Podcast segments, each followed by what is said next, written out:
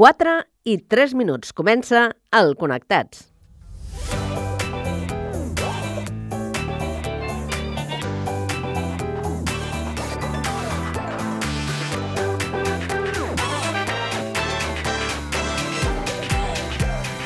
Connectats amb Carme Reversa.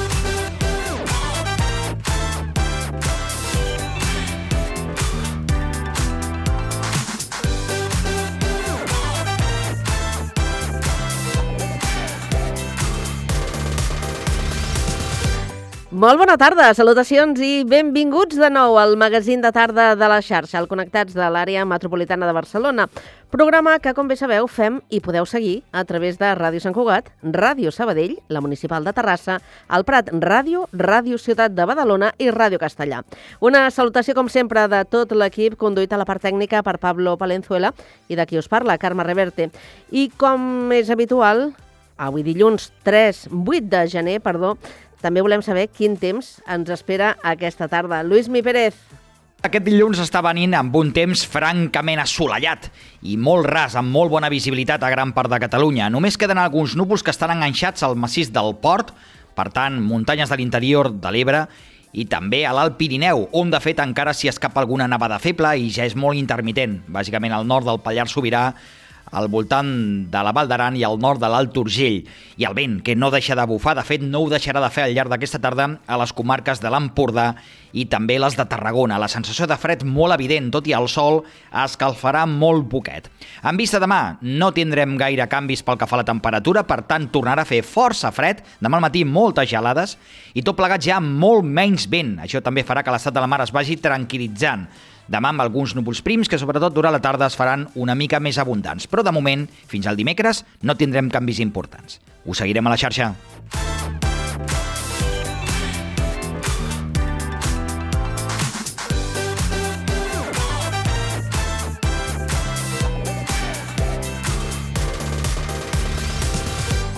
Bé, doncs avui al Connectats i després de les festes ens aturarem per revisar les dades del reciclatge. En parlarem amb Víctor Mitjans, cap de Prevenció i Planificació de Residus de l'àrea metropolitana de Barcelona. Acabarem aquesta primera hora amb la tertúlia esportiva per tractar molts dels temes d'actualitat que ens han deixat els últims dies. A partir de les 5 coneixerem la castellarenca Sara Scott, actriu, mestra i mare. Continuarem parlant d'empresa i del nou projecte de l'emprenedora santcuatenca Berta Sàrries. I acabarem amb cultura per parlar de la temporada de l'Espai Cultural L'Alcabot de Castellà. Tot això i més des d'ara i fins a les 6 de la tarda a la vostra emissora local. Connectats? Comencem!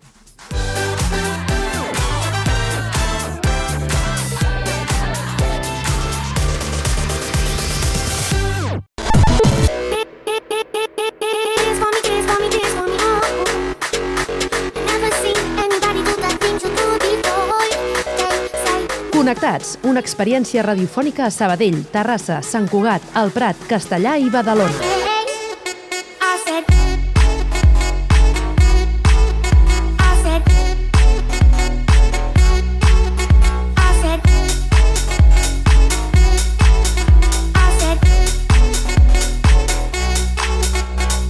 Connectats amb Carme Reverte.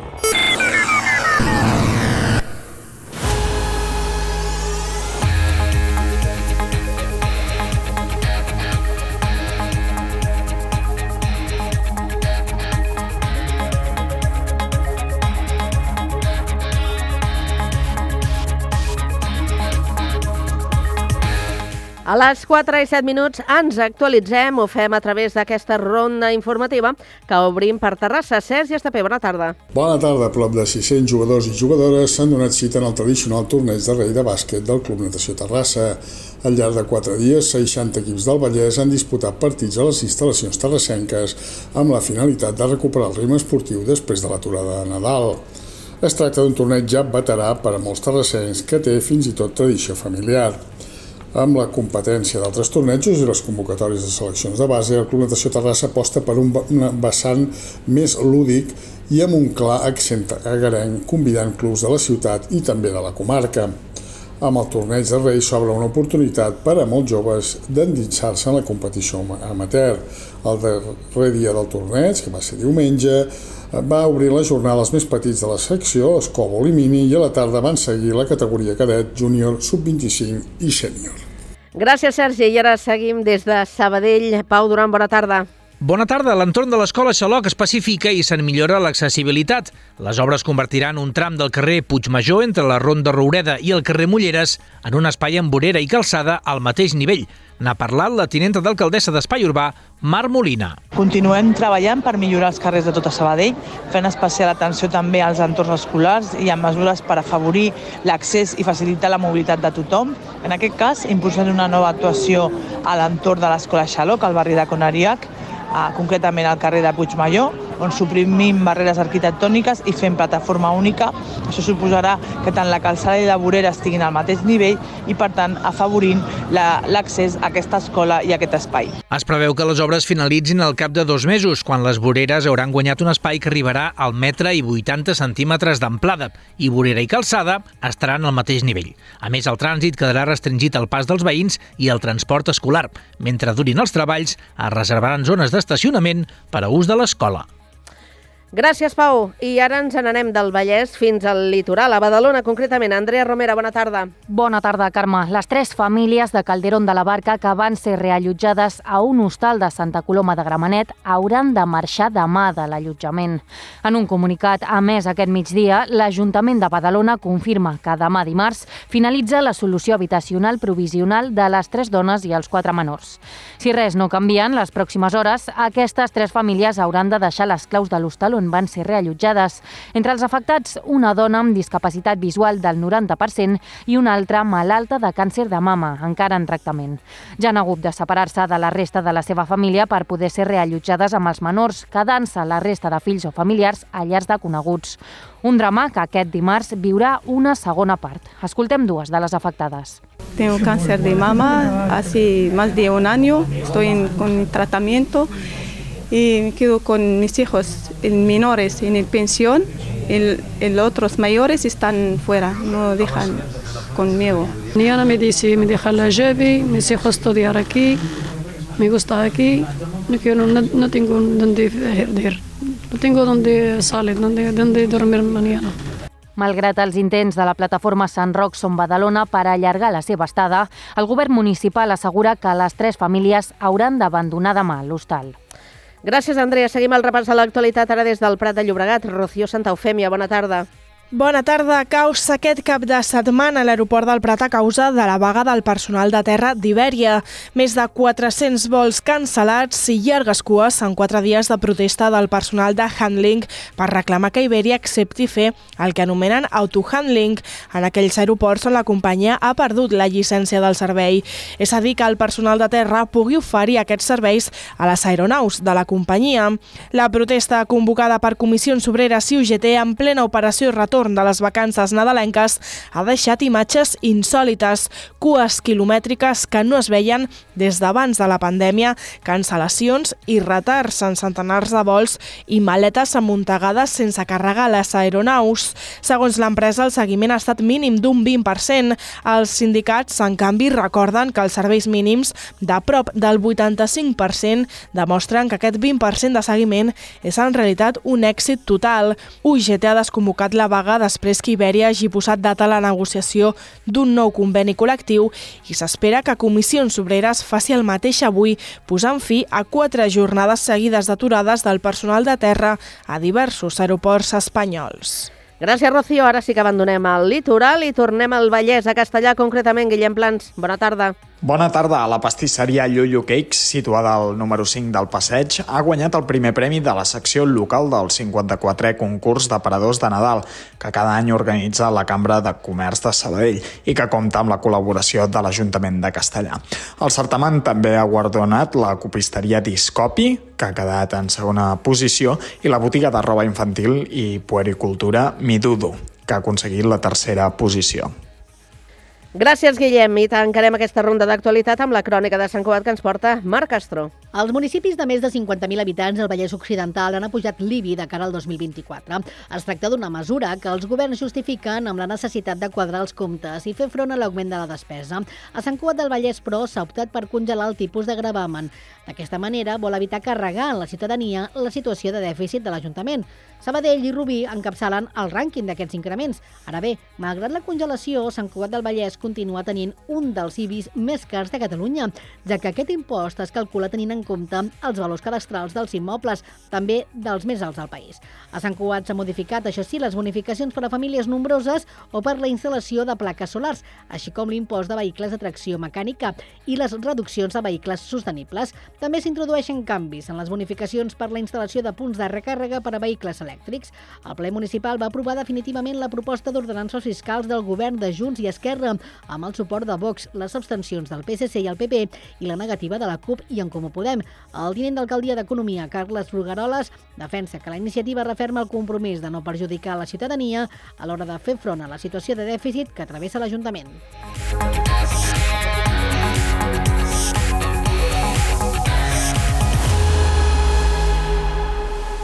A la tarda no et desconnectis. A la teva ràdio local, connectats. Can't touch this. Touch this.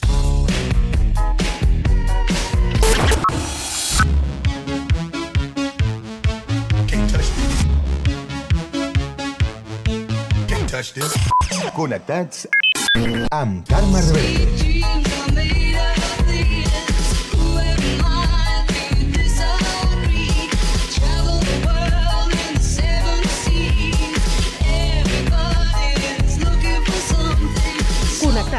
Una experiència radiofònica a Sabadell, Terrassa, Sant Cugat, El Prat, Castellà i Badalona.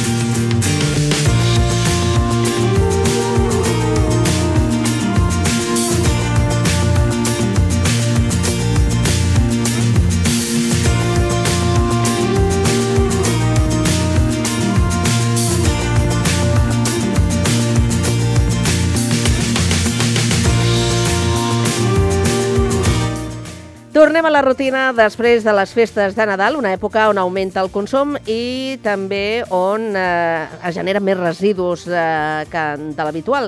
Avui al Connectats volem parlar de reciclatge per saber en quina situació es troba el país i si avancem satisfactòriament cap als objectius de 2030, que estableixen un reciclatge del 60% en els residus municipals. Tot plegat un context doncs, de festes que sol deixar xifres rècord en aquest tema, en els residus.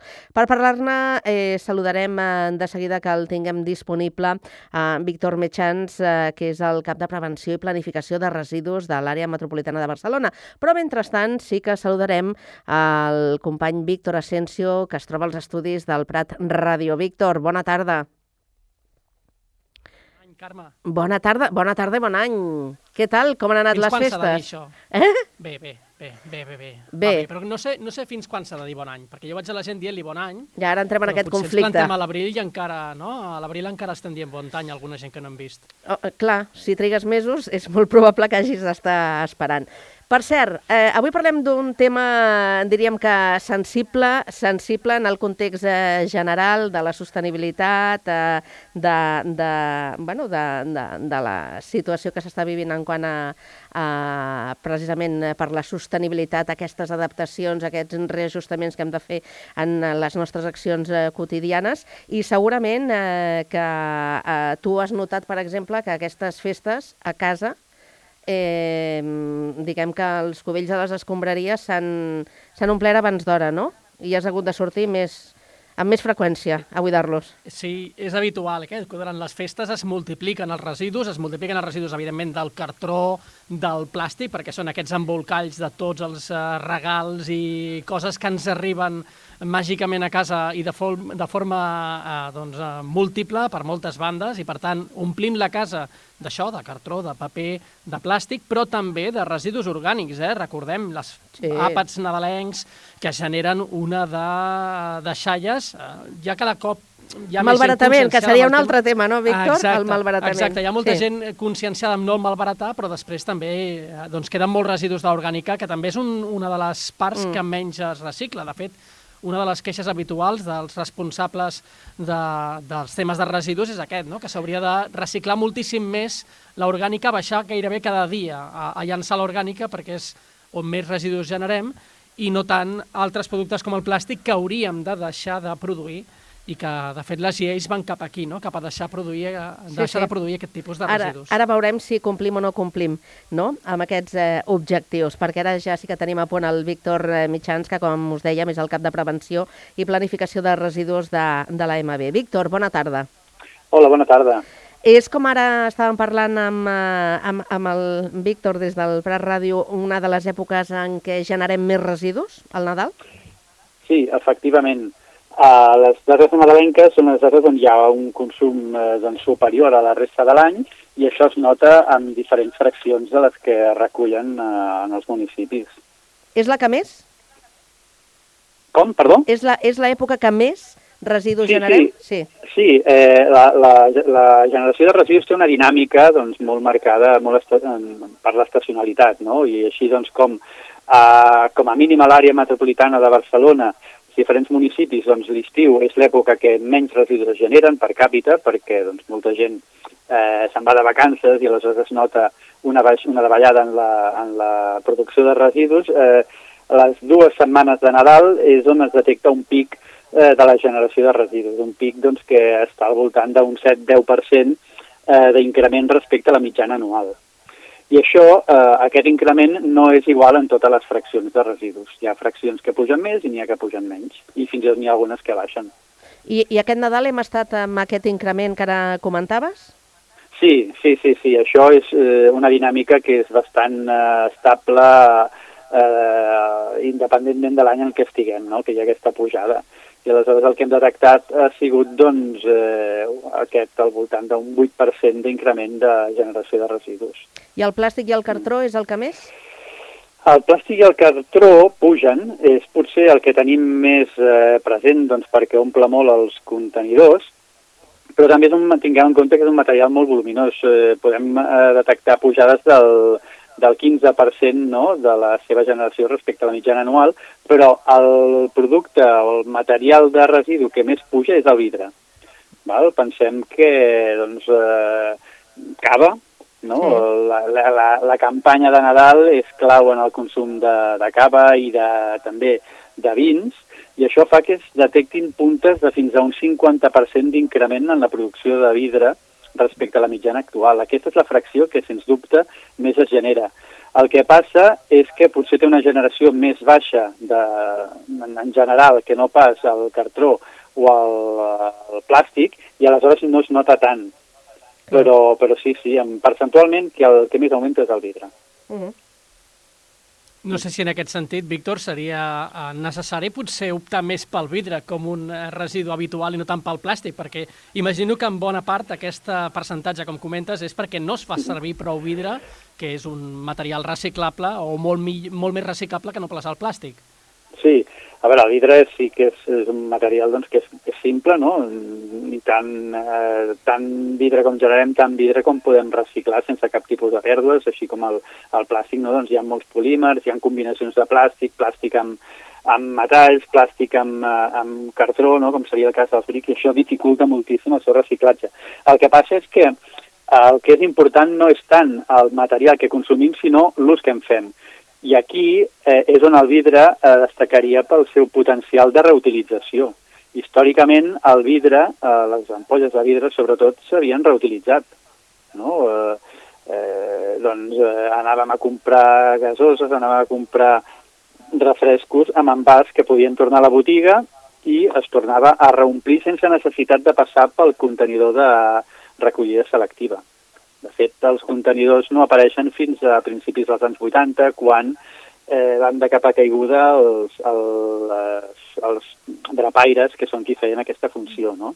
Aleshores, el que és important és, sobretot, en la mesura que sigui possible, apostar per envasos retornables. I així, no només el vidre, sinó també plàstic i altres tipus, no? com els metalls, doncs també eh, baixaríem el seu consum i la seva producció i, en última instància, l'impacte ambiental que tenen associat. I aquestes imagino que són mesures que anirien encaminades també a aconseguir uh, assolir aquests objectius que reclama la Unió Europea de cara als municipis, el reciclatge dels municipis, que recordem que, com ja deia la Carme, cap al 2030 es vol arribar a un 60% de reciclatge. No sé quina és la situació actual a Catalunya, si estem prou lluny o prou a prop d'assolir aquest, aquest 60% de cara al 2030. Mm. A Catalunya, la mitjana, estem al voltant d'un 40% de recollida selectiva. Val? Um, el que passa és que això és una mitjana dels 900 i pico municipis que hi ha a Catalunya i hi ha moltes diferències en funció de la zona i en funció de la mida, el tipus del municipi. En general hi ha una tendència que els municipis més petits són municipis doncs, que han implantat amb més facilitat recollides eh, eficients, no? com la recollida porta a porta, no? que és la que et dona un nivell de, de, de recollida selectiva més elevat, i en canvi els municipis mitjans i grans són els que encara han de prendre decisions i han de fer passos cap a aquests sistemes d'alta eficiència, no? la recollida porta a porta principalment, o eh, els contenidors eh, intel·ligents, no? on eh, tu t'identifiques abans d'utilitzar-lo i per tant doncs, es promou eh, una major participació en, en la recollida selectiva que són dos sistemes que venen, jo diria que tots els municipis del Connectats de tant en tant n'hem sentit a parlar, del porta a porta, dels sí. contenidors intel·ligents. Alguns llocs s'han instaurat, altres se'n parla però no arriben. Eh, però jo sí. volia preguntar si tot és un tema de sistemes, de sistemes de recollida, o també hi ha una cosa generacional, perquè eh, almenys aquestes festes, quan et reuneixes amb la família, veus que hi ha una consciència entre la gent jove de reciclar i potser entre la gent una mica més gran eh, no ho acaben d'entendre, això del reciclatge. No sé si això vosaltres ho heu detectat. Bé, eh, sí que és cert que hi ha diferències eh, generacionals, però potser també la gent gran eh, no està acostumada a separar perquè, doncs, això, no, abans he comentat, hi havia drapaires i sobretot el que hi havia era un consum eh, molt més baix no? i una producció de residus molt més baixa que la que hi ha eh, actualment. Ara estem al voltant d'uns 450 quilos per habitant i any a l'àrea metropolitana i eh, pensem doncs, que a l'època del, no, dels anys 60 eh, estàvem a 250, o sigui, en, en mig segle hi ha hagut un increment de tres vegades, s'ha augmentat per tres la producció de residus. Aleshores, clar, això et marca no, eh, una, un apropament no, generacional diferenciat eh, de la gent gran i la, la gent jove però és que a més a més també hi ha les qüestions no, eh, socioculturals, no? Hi ha gent doncs, que està més sensibilitzada, eh, la, la, la, no, la, com es diu, el, eh, la renda per llar doncs, també intervé. O sigui, hi ha molts factors que determinen la participació no, en la recollida selectiva. No és només una, una qüestió generacional. I el que sí que és eh, comú a tothom és la comoditat la comunitat és el gran motor no, que fa eh, no només que participem o no en la recollida selectiva, sinó que optem per un tipus de consum que genera més o menys residus. I això és clau. Víctor, al fil del que ara eh, estàveu comentant, eh, de fet existeix, no sé si dir-li una falsa creença, una llegenda urbana, que, que precisament eh, pot provocar doncs, aquesta falta d'interès pel reciclatge, que és el fet que al final tots els residus eh, van tots a un mateix eh, contenidor i, i que, per tant, eh, doncs, eh, no, no val massa la pena, no? Diríem. Eh, què és el que podem eh, explicar per ajudar a trencar amb aquesta creença? No, eh, això jo, jo crec que més que una creença és una, no, un escut que es posa la gent que ja ha decidit no participar per justificar mm. la seva elecció. Sigui, això no, no, no hi ha ningú que, que es pugui creure que barrejar els residus és més barat que no pas eh, separar-los. O sigui, eh, si tu tens una, un camió que va carregat de paper, vidre i sobretot matèria orgànica, tot barrejat, tot brut, eh, ningú voldrà pagar-te per aquells materials. En canvi, si tu poses el paper en un contenidor, el vidre en un altre, el plàstic en eh, el metall en un altre, doncs tot això té un valor i, per tant, abarateix la recollida del, dels residus. O sigui, no té, no té trallat no, aquesta, aquesta creença. O sigui, que, que, que no, que no s'hi capfiquin i que no posin més excuses, no? No, exacte. o sigui, si volen alguna excusa, que acceptin que els hi fa mandra, que... Eh, eh, que no els importa no, l'impacte que té els residus i que assumeixin la, la, la realitat, però que, no, que ningú s'escudi amb coses doncs, que, no, que no tenen sentit, no? Doncs mm. això, de que eh, no separar crear llocs de treball, doncs no, no separar és, és, és més car, al contrari, separar crear llocs de treball, no? I sobretot la reutilització. Es creen, eh, un abocador crea un lloc de treball per cada 10.000 tones de residus que hi entren i en canvi una planta de triatge doncs en crea 15. Sí, aquí, per què? Doncs perquè el material que surt eh, de la planta de triatge té valor i aquí te'l compra i, per tant, tu pots sostenir més llocs de treball. En un abocador no hi ha ningú que pagui res, simplement tu has de pagar doncs, perquè hi ha un, una gent treballant, però com que el que hi ha allà no té valor, doncs no crea llocs de treball. Mm -hmm. És una qüestió de creació de valor, i separar els residus crea valor i, per tant, eh, crea llocs de treball. Molt bé. Jo em volia fer una pregunta, Víctor, és que un dels objectius que tenim per aquest 2100 eh, ai, per, per aquest 2030, 2030 és que el 100% d'envasos siguin reciclables i tanmateix l'Agència Catalana de Consum ha denunciat que hi ha publicitat enganyosa. Això de fet també passa amb els plàstics d'un sol ús, que també veiem quan els anem a comprar que a vegades et diuen mm, múltiple uso, però és els mateixos plàstics d'un sol ús de sempre. Això com es pot lluitar contra tot això? Uf, aquí sí que és cert que ara eh, hi ha hagut una regulació a nivell europeu no?, de prohibició dels elements de plàstic eh, o de, de determinats elements de plàstic d'un sol ús, i hi ha qui se l'han pescat i ha canviat simplement l'etiquetatge i clar, aquí o hi ha inspecció i hi ha sanció per part de l'administració, eh, en aquest cas seria de l'Estat, o si no és molt difícil doncs, lluitar contra aquesta publicitat enganyosa, que no és només amb el tema aquest de la reutilització, sinó que, clar, et venen doncs, que una cosa és més eco, que està fet 85% amb fibres naturals, que ve del sucre de canya, o sigui, hi ha mil eh, no, um, elements no, que posen en el contenidor per diferenciar-se d'altres productes que mm, no tenen un impacte ni millor ni pitjor, perquè al final, com deia al principi, el que és important és si un producte és d'un sol ús o és eh, retornable o reutilitzable. Aquesta és la clau. Per tant, eh, jo aquí no faria cas eh, en aquestes eh, intents no, de distingir-se eh, un producte sent més verd que un altre, perquè al final, si és d'un sol ús, eh, la millor alternativa és optar o bé per no utilitzar aquell producte o aquell envàs, o per, eh, per intentar evitar-ne no, l'ús i anar a comprar doncs, amb envasos retornables, amb les nostres bosses, amb tot això que realment és el que acaba creant impacte. Víctor, per acabar, eh, hem de ser optimistes? Assolirem aquest 60%? eh, l'assoliran aquells municipis que prenguin decisions valentes i que estiguin disposats doncs, a agafar el toro per les banyes i a canviar el sistema de, de recollida. Ens consta, eh, ja que estem a, no, parlant amb, amb la gent del Prat, doncs que l'Ajuntament del Prat prendrà eh, passes en la direcció adequada i, per tant, doncs jo, en el cas del Prat, eh, estic convençut que en els propers anys veurem canvis i veurem com els nivells de recollida selectiva eh, arriben o, si no superen, els que ens marca la, la Comissió Europea. Uh -huh.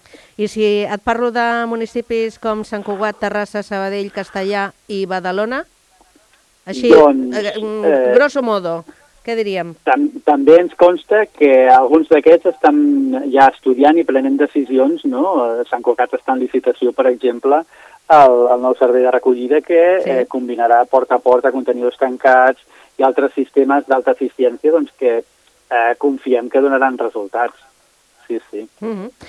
Molt bé, doncs esperem que sí, eh? que assolim això, eh, desterrem aquesta llegenda urbana que comentàvem eh, al llarg de l'entrevista.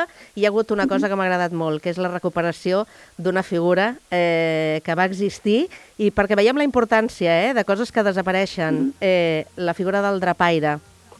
Jo crec que un dia li dedicarem un, un capítol a aquest personatge. Si Víctor, en podem parlar. Víctor Mitjans, moltíssimes gràcies i molt bon any, que vagi molt bé. Gràcies a vosaltres, Joan. Bona tarda. I Víctor Asensio, bona tarda i bon any. Bona tarda, que vagi molt bé. Adéu-siau. Igualment. Adéu.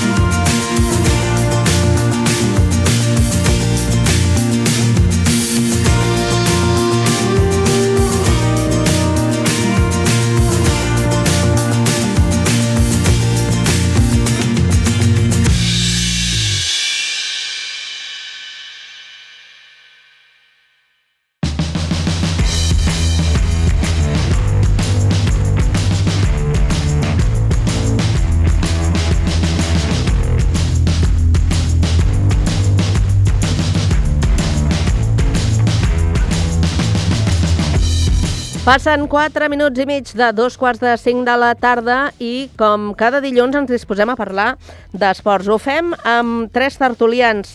Ens arriba des de Terrassa Carles Silvestre, el nostre atleta de capçalera. Carles, bona tarda, bon any.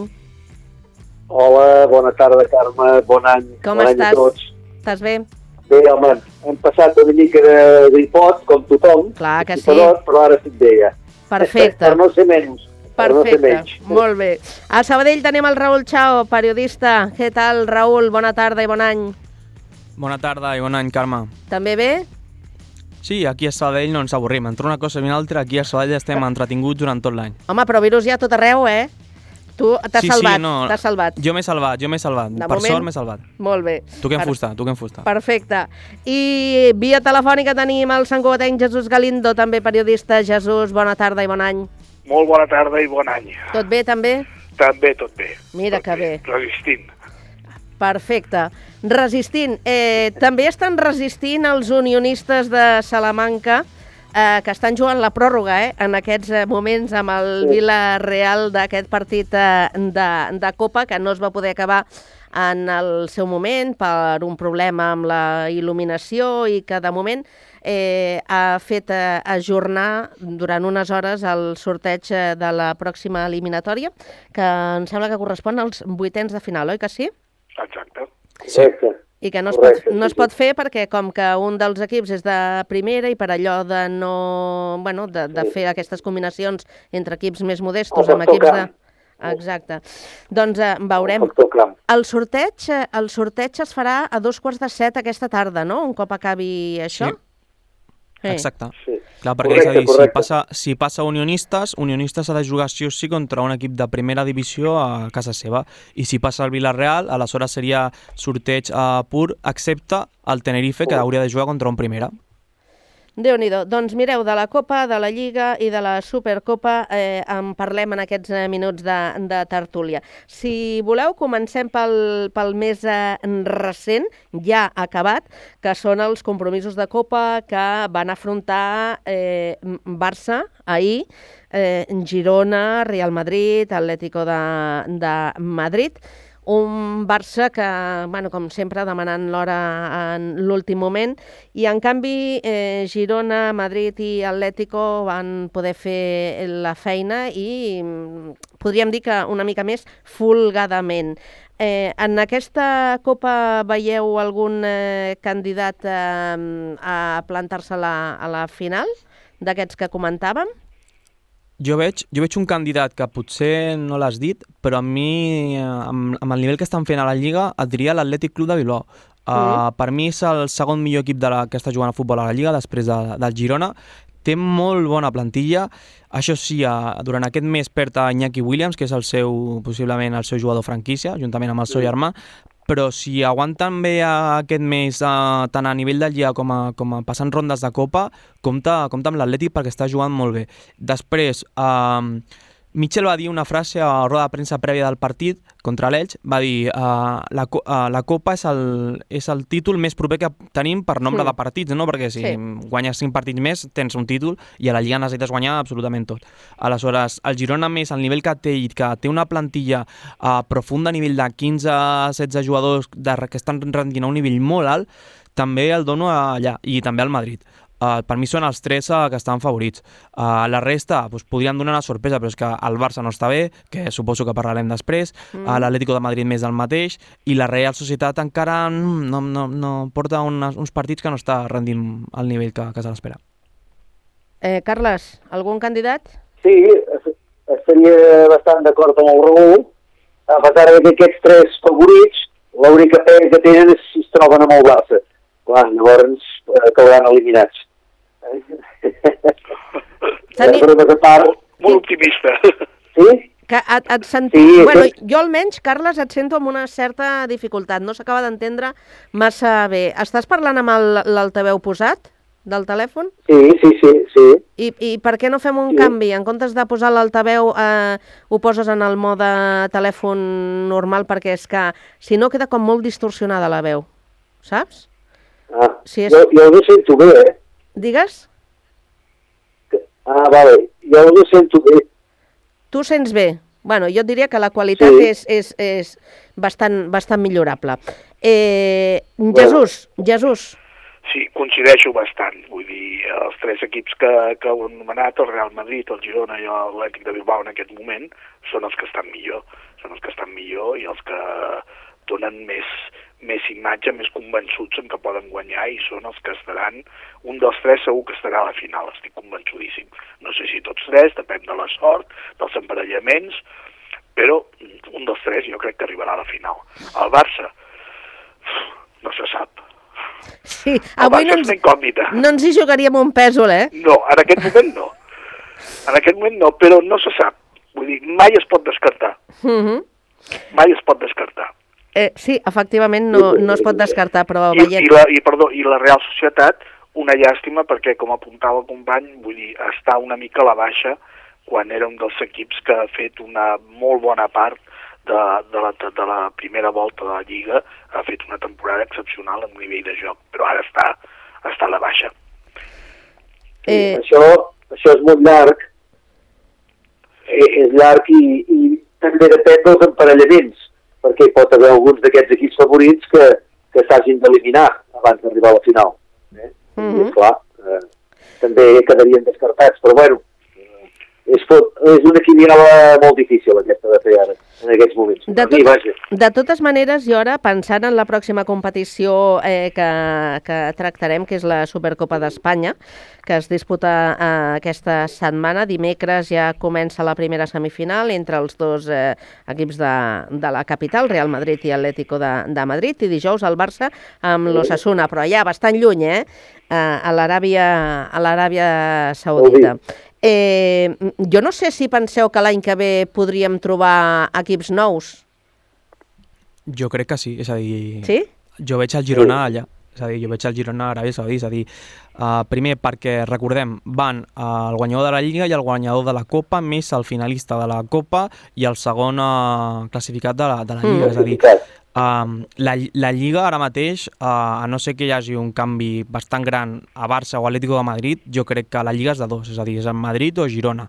Aleshores, mm, el Girona allà té allà una pota molt gran per, per estar a Aràbia. I després pel que dèiem abans de, lo de la Copa del Rei, és a dir, que és un dels candidats per, per lluitar-la i per estar allà fins al, fins al final, així que veurem. I si parlem de la Supercopa, jo crec que és el títol més proper pel Barça, és a dir, perquè jo crec que és un, un torneig que li ve molt bé al, al conjunt de Xavi, perquè primer uh, s'estalvia, diguem, el, els dos cocos, no?, que són els dos equips de Madrid, i li tocaria a l'Ossassuna i després la, la final, no?, que allà on possiblement, jo crec que tots estem d'acord, que el millor partit de Xavi amb el Barça uh, va ser l'any passat a la final Sí. de la Supercopa contra el Madrid. Mm.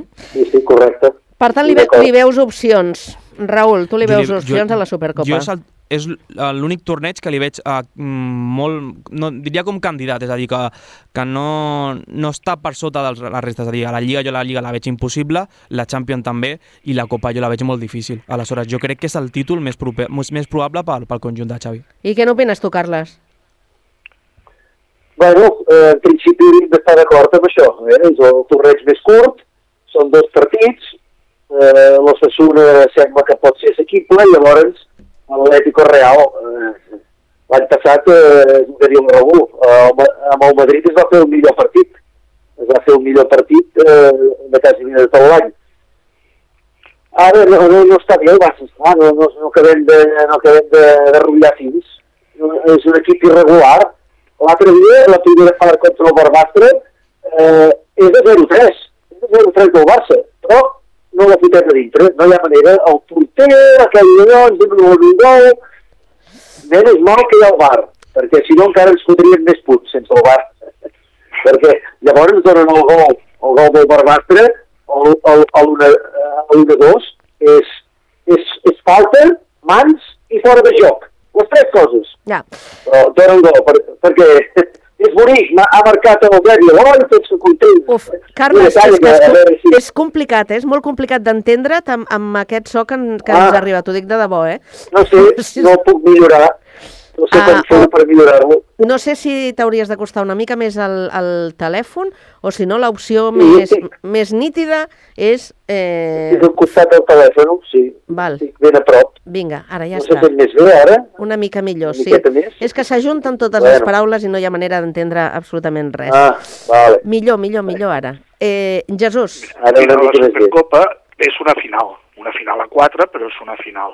I a les finals eh, s'ha demostrat mil vegades que mai hi ha un favorit clar.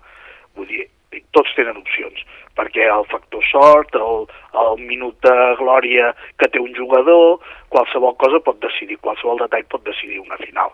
I això és el que pot passar amb aquesta Supercopa. Les opcions del Barça hi són, com són les del Madrid, com són les de l'Atlètic, com són les del Sassura, inclús. Vull dir, és una final, a una final vas a totes, l'única opció que tens és guanyar, el primer, el primer partit i després el segon, no tens més altra opció, no pots especular. Llavors, el factor sort influeix molt i, i el minut aquest de glòria, el, el punt decisiu que pot canviar-te la sort. Vull dir que tots tenen opcions i el Barça té les seves. Bastantes. Detalls. Més que la Lliga en aquest moment, com bé apuntava el Carles, el Raül. Hm, doncs a veure si, si ho saben aprofitar en aquesta, en aquesta Supercopa. Eh, per cert, eh, tornant a, a la Lliga només per recuperar el fil eh, d'aquesta competició, di, diríem que el primer partit després del retorn de, de, de, de festes, el Real Madrid va complir el tràmit davant del Mallorca, però no sense dificultats. Va guanyar per la mínima 1-0 i un gol que va arribar allò en els últims minuts de, de partit. El Girona i l'Atlético de Madrid van fer un partit eh, fantàstic, un partit extraordinari, amb gols, amb oportunitats, amb, amb, amb, amb alternances en, en, en el domini de, del, del, del partit. Mm, Girona 4, Atlético de Madrid 3.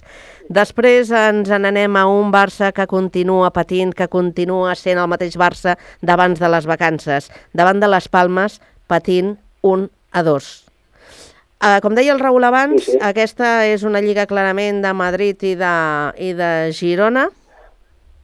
En aquest moment sí. Bueno, jo deixaria passar, jo deixaria passar mitja dotzena més de partits, 6 o 7 més, i n'han de faltar 10 o 12 per descartar tant el Barça com l'Atlètic de Madrid. Mm. Perquè s'ajuntaran eh, s'ajuntarà competició europea, eh, eliminatòries de Copa, en fi, eh, no ho sé, no ho sé, encara deixem passar 7 o 8 partits i a veure si es redueix aquesta distància de 7 punts o eh, augmenta, si augmenta sí que ja no hi ha res a fer. Eh? Però si es redueix i estan, a- arriben els últims 10 partits i estàs a 4 punts o 5 punts, encara hi ha oportunitats, tant per Barça com per l'Atlètic de Madrid. O sigui, marge de confiança encara. Raül? Jo ho veig impossible, Sí. és a dir, bàsicament, primer, perquè l'Atlético de Madrid està a 10 punts, és a dir, i 10 punts i no vol dir que només tinguis un rival sí, sí.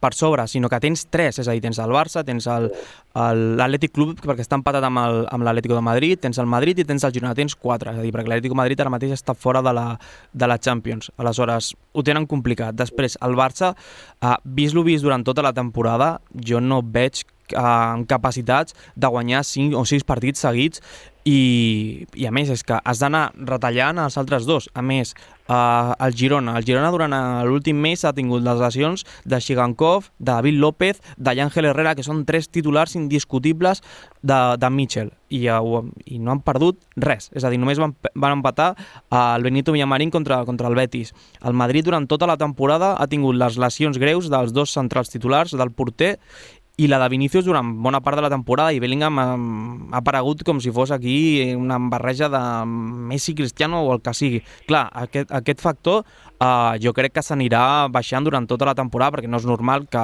Bellingham al final, un jugador que és al mig del camp, faci 30 gols. Això és bastant difícil.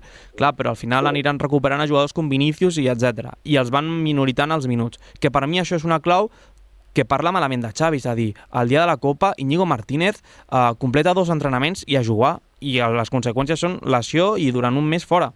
A Pedri, Pedri avui estan dient als mitjans de comunicació que ja està començant a entrenar, amb, a fer parts amb el grup, i que diuen que no el descarten per la, per la Supercopa, però en el cas de, del Canari no han, tingut, uh, no han tingut prou, és a dir, Pedri és un jugador que necessita temps per, per no, no recaure i no lesionar-se. Cal fer esforçar, viatjar per jugar a Aràbia i que el torni a recaure quan és el teu jugador més important de tota la plantilla.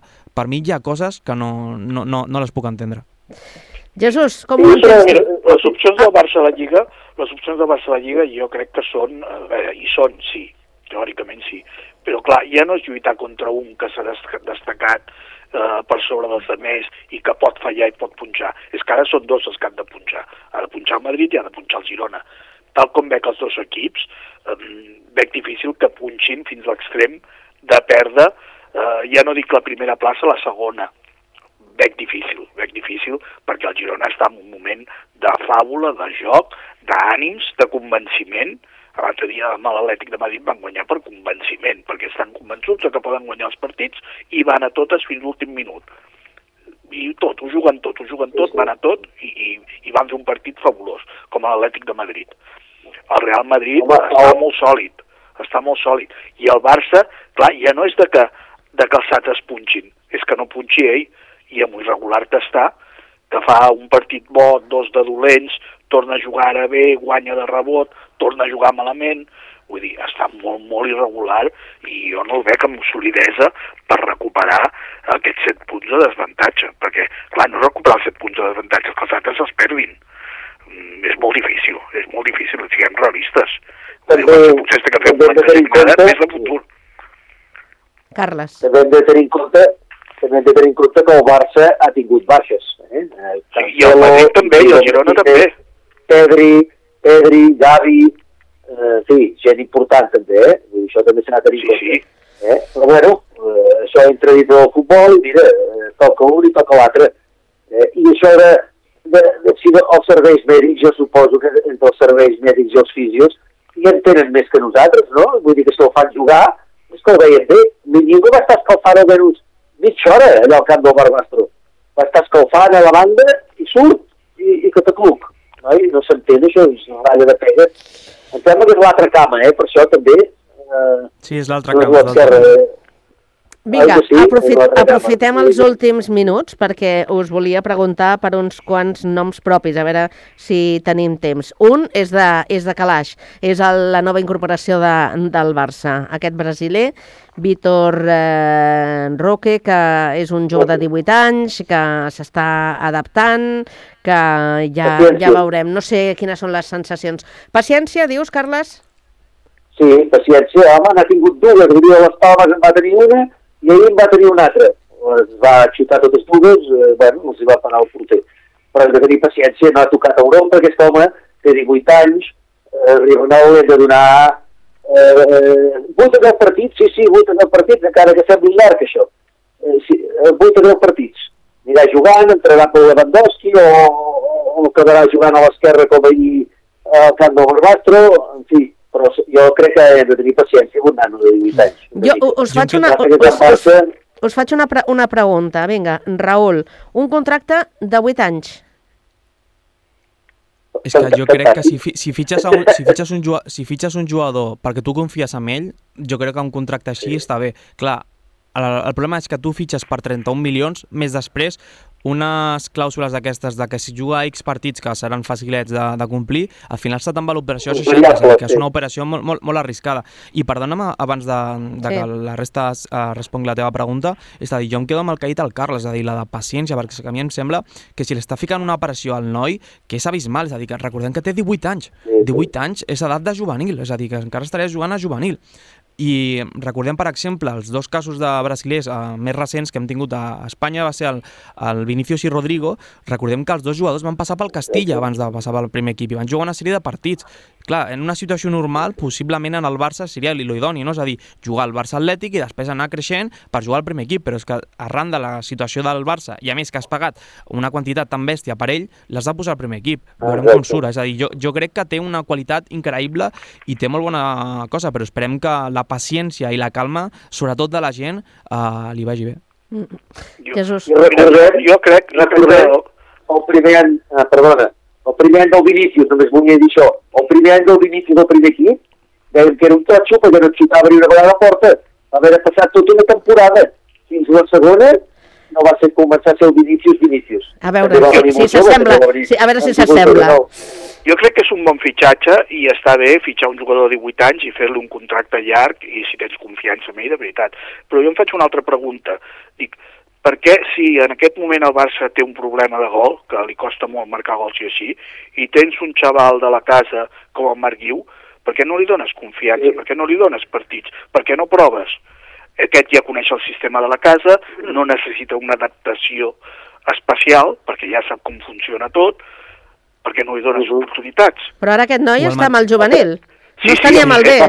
Ja ho sé, però per què no li dones oportunitats? Si cada vegada que surt marca gol, O el mateix I- Pau i el el de Arnau. Sant Cugat, Uf, a veure. el jugador de Sant, eh, dic el mateix Pau Víctor, que és el jugador de Sant Cugat, que està cedit pel Girona, que el Barça té una opció de recompra, i que és el Pichichi de primera federació, que és un jugador que és un jugador que va molt sobrat, és a dir, que és un jugador que podria estar jugant perfectament a primera divisió.